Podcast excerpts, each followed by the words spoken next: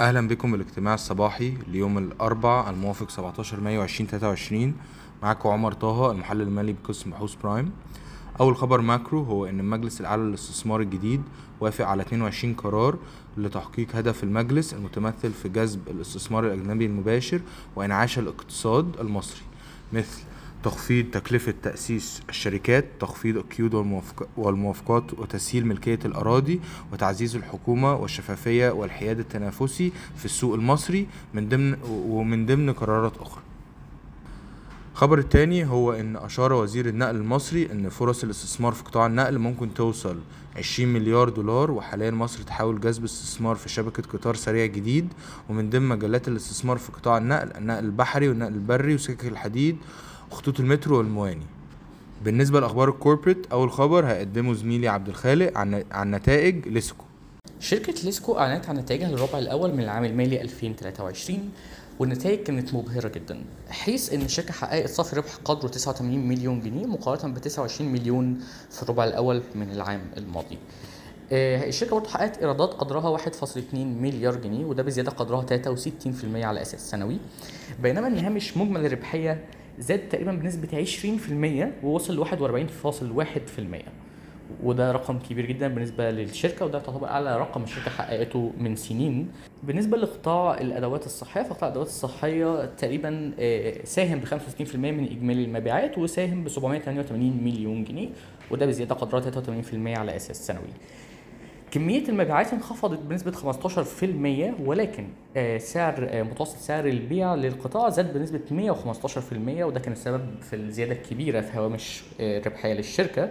وصل ل 714 جنيه للقطعة الواحدة في المتوسط. وده كان بسبب ارتفاع الأسعار وارتفاع سعر الدولار قدام الجنيه المصري. هامش مجمل ربحية للقطاع زاد بنسبة 30% ووصل ل 44.5%. آه القطاع ده موجه أكتر للتصدير وحيث إن التصدير ساهم بنسبة تقريبا 72% من إجمالي مبيعات القطاع. بالنسبة لقطاع البلاط فقطاع البلاط ساهم تقريبا ب 29% من إجمالي مبيعات الشركة وساهم ب 358 مليون جنيه وده كان بزيادة قدرها 37% على أساس سنوي. آه، الزيادة في قطاع الزياده في مبيعات القطاع ده كان سببها ارتفاع أسعار المبيعات بنسبة 44% على الرغم من انخفاض كمية المبيعات بنسبة 5% هامش مجمل الربحيه برضو زاد بنسبة بسيطة بنسبة 3.8% ووصل ل 30.8% بالنسبة لقطاع الخلاطات فقطاع الخلاطات ساهم ب 5.8% بس من إجمالي المبيعات اللي هو تقريبا 70 مليون جنيه مصري وده كان بزيادة قدرها 33% على أساس سنوي.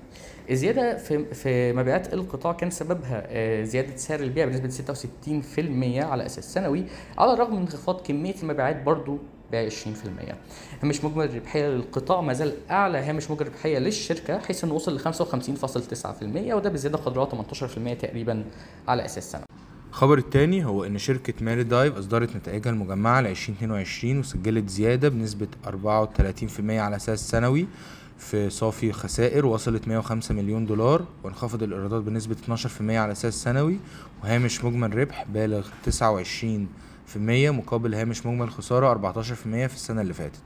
ده كان مدفوعا بانخفاض إيرادات إيجار الوحدات البحرية بنسبة 14 14% على أساس سنوي واستبعاد إيرادات إيجار الوحدات البحرية بين شركات المجموعة زاد بنسبة 202% واستبعادات إيرادات المشاريع بين شركات المجموعة زاد برضو بنسبة 71% ومصاريف أخرى وصلت 108 مليون دولار وده كان زيادة 450% سجلت الشركة في الربع في الربع الرابع من 2022 انخفاض في الإيرادات بنسبة 13% على أساس ربع سنوي وارتفعت التكاليف ال- الإدارية بنسبة 336% على أساس ربع سنوي وبرضو ارتفعت الإيرادات الأخرى بنسبة 500 590% على أساس ربع سنوي بسبب بيع خردة وانخفاض تكاليف التمويل.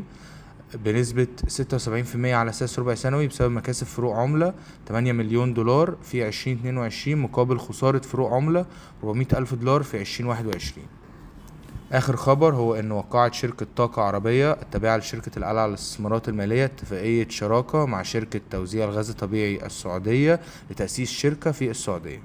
شكرا بكم في الاجتماع الصباحي.